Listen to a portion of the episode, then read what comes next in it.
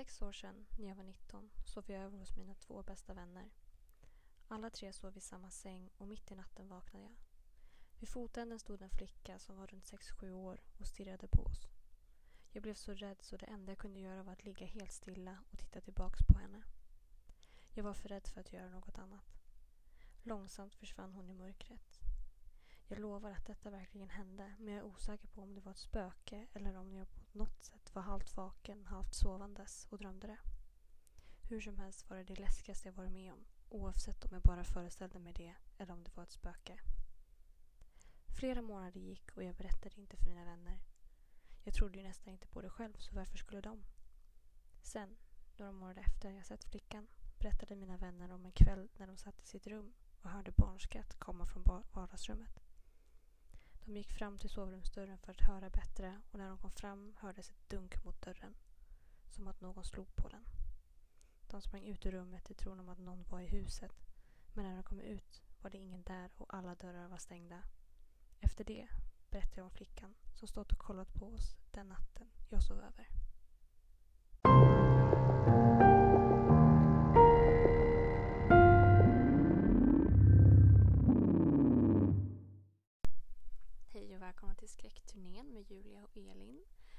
Eh, som ni hör så är det bara jag här, Elin. Ehm, och eh, det beror på att eh, vi har ju stött på lite problem här i sommar med inspelning. Så vi tänker att vi gör ett litet specialavsnitt med bara mig. Så får ni höra lite härliga spökhistorier här med lite sommartema tänkte vi. Ehm, den ni hörde nyss här i introt, Eh, den var skriven av Rosie Palms från Reddit. Ehm, tänkte börja med lite lättare spökhistoria sådär. Ehm, jag själv eh, känner mig redo för fler. Eh, sitter här med eh, te ganska sent nu på kvällen så att jag kommer säkert skrämma upp mig själv. Eh, men det är det jag får ta. Jag har eh, min katt som sällskap här så att det ska nog gå bra. Ehm, men vi tar och börjar med eh, en liten längre eh, spökhistoria. Eh, jag ska även meddela att de här två spökhistorier som jag kommer att berätta nu de är ehm, sanna. De, de har hänt på riktigt. Ehm, och jag har tagit dem båda från Youtube där det är eh, lyssnarberättelse eller um, ja, följare då som har skickat in. Eh, så den här Youtubern då har eh, gjort en berättelse där på eh, och lagt till lite bilder eller animeringar. Jag tycker det är jättekul att lyssna på faktiskt. Eh, så att cred till dem.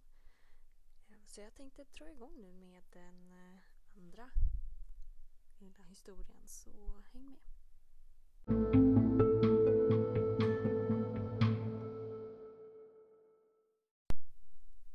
Sommaren 2016 var jag 18 år gammal och hade fått mitt första jobb. Jag var supertaggad på själva jobbet, men inte på pendlandet. Utan trafik var det 30 minuter lång resväg båda hållen. Och jag slutade jobbet vid 12-tiden på natten oftast. Det sista jag ville göra var att köra 30 minuter för att komma hem. Under de första veckorna försökte jag värna mig så gott det gick med min nya rutin. Och en, en av de första sakerna min mamma sa var att jag skulle hålla koll på hur mycket bensin jag hade i tanken. Och om jag någonsin skulle behöva fylla på skulle jag åka tidigare och stanna på vägen. Men aldrig på hemvägen. Jag förstod att hon var orolig. Jag var en petit 18-årig tjej som såg betydligt yngre ut än så. Men eftersom jag är som jag är hade jag halvt glömt, halvt ignorerat hennes råd. En kväll när jag var på väg hem insåg jag att jag inte hade tillräckligt med bensin för att komma hem på långa vägar. Jag svängde in på den första bästa bensinmack utan att tänka på pris eller typ av mack. Jag ville göra det så fort som möjligt och bara tanka för cirka 100 kronor, bara för att komma därifrån. Macken var tom och det, märkliga, det var märkliga personer som gick fram och tillbaka på trottoaren vid sidan om. Det fanns även typ 20 olika håll där någon skulle kunna smyga sig fram till mig. Jag drog kortet och började tanka bilen och så fort den nådde 100 kronor strecket stängde jag av. Jag fick kvittot och tänkte att nu är det värsta över. Precis när jag skulle sätta mig i förarsätet igen och köra hem hörde jag en röst komma från lokaltelefonen ovanför pumpen. Ursäkta, det skedde ett problem med betalningen. Kortet medgav sig. Jag stannade upp och sneglade på killen bakom disken inne på macken. Jag kände kalla kårar längs ryggraden. Han var lång, mager och såg nästan spöklik ut. Och han stirrade på mig och vinkade åt mig att jag skulle komma in. Jag tog ett kliv tillbaka till pumpen, tryckte på knappen till telefonen och svarade. Vad är det för fel? Jag har kvittot, det gick igenom. Jag försökte inte ens dölja irritationen i min röst. Jag tyckte inte alls om den här snubben. Någonting var sketchy. Du behöver komma in. Ditt kvitto stämmer inte. Du betalar här inne. Svarade han en aning för fort. Jag blängde tillbaka på honom i frustration. Aldrig att jag skulle gå in dit och vara ensam med honom. Han stirrade på mig med riktigt stora ögon, som ett riktigt creep. Jag gav mig inte, så jag tog upp min telefon och kollade på min internetbank. Dumt nog höll jag upp telefonen så att han skulle se det därifrån. Tryckte på knappen igen och sa Den gick visst igenom. Jag ser det här på transaktioner. Jag går inte in. Om du åker härifrån kommer jag ringa polisen. Jag har ditt registreringsnummer. Vänligen kom in. Till slut skrek jag mot honom istället för att trycka på knappen. Ska du ringa polisen för bensin för 100 kronor? Dra åt helvete, jag åker. Jag gick några steg mot bilen medan jag pekade finger och precis innan jag hann fram till bilen stannade jag upp. Butiksbiträdet stod nu och bankade på fönsterrutan och försökte säga något. Jag tänkte ignorera det, men han såg plötsligt mer desperat ut än obehaglig. Han fortsatte att vinka in mig och ropade något åt mig som var omöjligt att höra genom fönstret. Jag måste ha gjort någon konstig grimas för fem sekunder senare tryckte han ett ark papper mot rutan där han snabbt hade skrivit Man i din bil. Jag vände mig om och lade märke till att en av de bakre passagerardörrarna var halvt öppen. Vilket den absolut inte hade varit när jag lämnade jobbet. Jag sprang mot macken och när jag kommit in genom dörrarna låste han dem snabbt som attan och sa att jag skulle gömma mig. Han hade blicken mot min bil och ett gevär i handen. Jag gled ner bakom disken och tittade upp mot övervakningskamerorna. Jag möttes av en lång man med mjukisbyxor och vindjacka som öppnade min bildörr snabbt och sprang iväg. Jag var så rädd. Det visade sig att butiksbiträdet hade sett mannen stå och hänga utanför byggnaden på övervakningskamerorna. Så fort jag svängt in hade han gått rakt mot bilen, hukat sig och öppnat bildörren och sedan glidit in i baksätet medan jag betalade. Han var noga med att inte stänga bildörren helt så att jag skulle höra något. Butiksbiträdet hade sett alltihop och ringt polisen direkt som hade kommit några minuter senare. De letade igenom området och min bil men kunde varken hitta mannen eller någon som skulle kunna leda dem till honom. Butiksbiträdet räddade mitt liv. För vem vet vad som skulle ha hänt om jag satt mig bakom ratten och kört iväg med främlingen i baksätet. Jag har lärt mig min läxa. Det räcker inte med att vara försiktig. Man måste vara på alerten också. Vara misstänksam men inte dum. Men också att man alltid ska lyssna på sin mamma.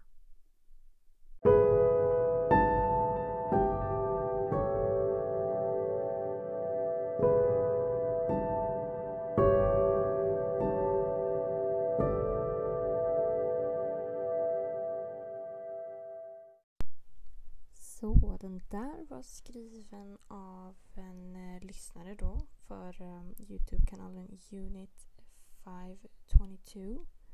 Eh, och den kallas då för eh, Tanka inte bilen på natten eller då, jag har översatt den då från Don't stop for gas at night. Um, ja, och eh, såklart så har jag då försvenskat den här. Jag har översatt och eh, försvenskat den lite grann och det gäller samma sak som den här eh, andra och sista berättelsen jag kommer köra alldeles strax. Um, ja, det känns så konstigt att inte ha någon att diskutera med.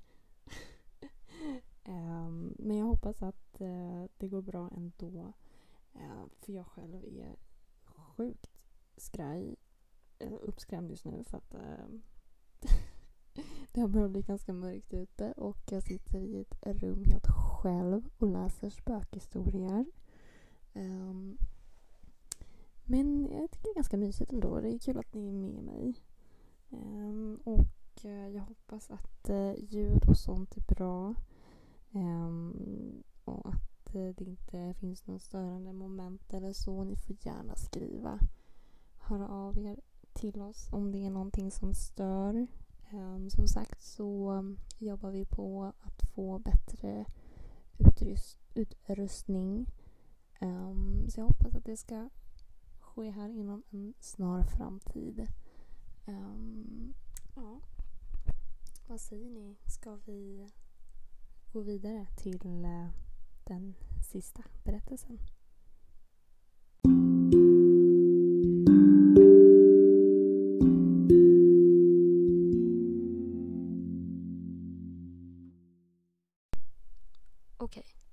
Så jag börjar med att berätta att jag ser mig själv som en väl erfaren person när det kommer till naturen. Ett av mina tidigaste minnen är när jag och min pappa campade i skogen i två hela dagar. Jag är heller ingen som blir lätt skrämd utan hittar alltid en logisk förklaring till allt som händer. Men det som jag såg den där dagen kan jag inte på något sätt förklara. Vid den tiden hade jag två jobb, så det blev många arbetstimmar från måndag ända till söndag. Jag jobbade nästan oavbrutet i sex månader utan att vara ledig en enda dag. Så jag bestämde mig för att ta lite ledigt och vila kropp och själ. Efter att ha varit ledig i tre dagar började jag känna mig rastlös och kunde inte sitta still. Så jag packade ihop lite saker och planerade att bege mig till ett område vid namn Pine Lakes som bara låg en dryga timme norrut från där jag bodde då. Jag ska också nämna att jag varit i området några gånger innan och då hade jag valt en mysig plats att fiska på och sätta upp ett läger i några dagar. Jag kom fram ganska tidigt nästa dag så jag kunde börja sätta upp allt. Parkerade bilen vid början av stigen, låste och begav mig. Efter att ha gått i ungefär 15-20 minuter märkte jag till vänster av stigen en kvinna som stod helt stilla och bara stirrade på mig.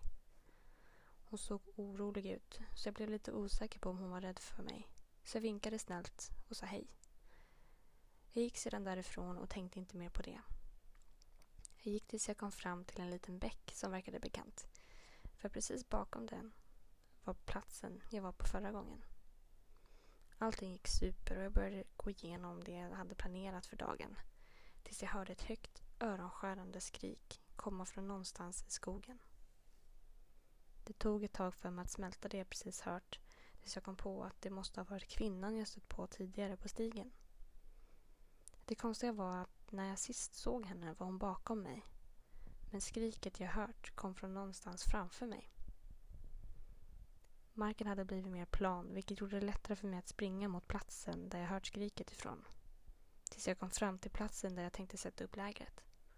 Jag ropade ut i förhoppning att någon som befann sig i fara skulle svara mig. Men jag fick inget svar. Jag väntade i vad som kändes som fem minuter och jag blev allt mer obekväm med hela situationen. Vid det här laget var jag övertygad om att kvinnan jag såg tidigare var i fara så jag bestämde mig för att springa tillbaka och försöka få hjälp. Medan jag sprang tillbaka började min hjärna gå igenom alla möjliga anledningar till varför den här kvinnan skulle skrika. En del av mig kände att jag skulle stanna i området där jag hörde skriket ifall hon skulle låta mer. Men om hon faktiskt var i fara kunde jag inte riskera att tappa tid utan var tvungen att hämta hjälp. Jag känner mig illa till mods eftersom den här personens liv nu hängde på mig. Jag närmade mig platsen där jag först sett kvinnan och när jag svängde in på stigen stannade jag och stod blickstilla. Hon var där igen. Med exakt samma blick men denna gången var hon lite längre bak. Hon var definitivt fortfarande inom hörhåll. Samtidigt som jag hämtade andan frågade jag försiktigt om allt var okej okay och om det, hon, om det var hon som skrek förut. Det var en pinsam tystnad i ungefär en minut och hennes ansikte gick från att stirra rakt på mig till att plötsligt bryta ner i gråt. Jag frågade om hon ville följa med mig och försöka hitta hjälp när hon från ingenstans än en gång skrek rakt ut. Det var öronbedövande. Det kändes som flera knivhugg i mina ögon och öron och när jag kollade upp såg jag hur hon skrek med öppna ögon stirrandes på mig. Jag backade i förhoppning att hon skulle lugna ner sig så jag skulle kunna samla mig. Jag vände mig mot henne men hon var borta. Jag var panikslagen vid det här laget. Men jag fortsatte springa ner för stigen och förhoppningsvis kunna kontakta någon och få hjälp. Jag var ungefär fem minuter bort från bilen när jag såg samma kvinna stå mitt i stigen. Ni måste förstå att fram tills nu hade jag sprungit mot vår bil och inte stannat en enda gång. Jag varken såg eller hörde någon under hela tiden. Men av någon anledning var hon där. Hon var inte ens andfådd. Hon stod och petade på något i sin hand och än en gång frågade jag henne om allt var okej. Om jag på något sätt kunde hjälpa.